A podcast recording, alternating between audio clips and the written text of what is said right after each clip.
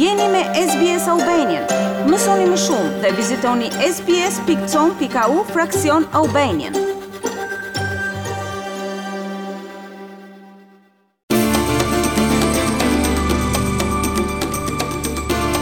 Raporti më i fundit mbi rrezikun që do të sjellin ndryshimet klimatike në botë parashikon një të ardhme të vështirë për Australinë.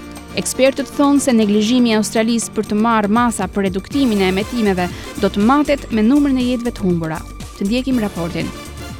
Ish shefi australian i zjarrfikësve thotë se raporti i ri mbi kërcënimet që pritet të vijnë nga ndryshimet klimatike tregon fakte të frikshme. Ish-komisioneri i Shërbimeve të Emergjencës, Peter Dunn, thotë se parashikohet që ndryshimet klimatike të nxisin zjarre gjithnjë dhe më ekstreme, si dhe fatkeqësi të tjera natyrore. This report is quite horrifying in terms of the bushfire projections for the future. Për sa i përket mbrojtjes nga zjarri për të ardhmen, ky është një parashikim i tmerrshëm.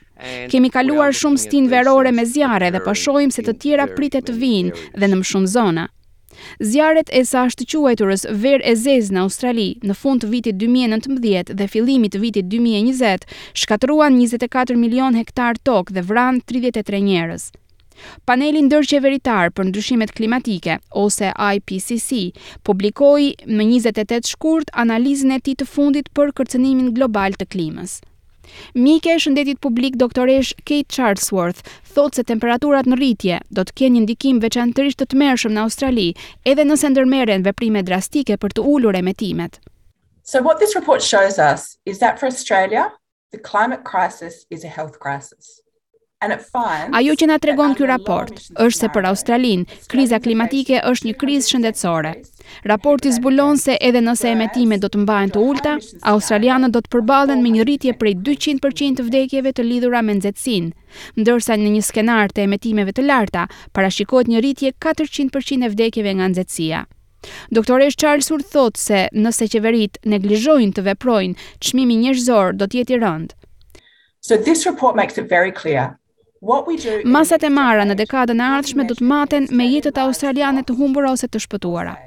Në një fjalim të ndjerë, sekretari i përgjithshëm i OKB-së, Antonio Guterres, publikoi raportin më 28 shkurt.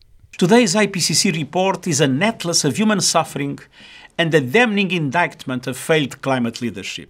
Ky raport është atlas i vuajtjeve njerëzore dhe një aktakuzë për lidershipin e dështuar në çështje të klimës. Në fakt, ky raport zbulon se si njerëzit në të gjithë planetin janë sulmuar nga ndryshimet klimatike, thotë ai.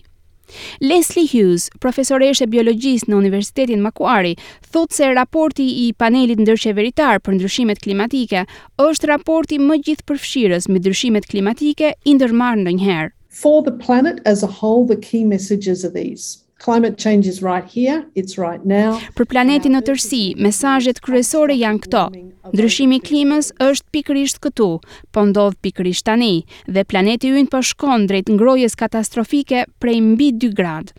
Raporti thekson nevojën për të kufizuar ngrohjen globale në më pak se një pikë pesë gradë Celsius.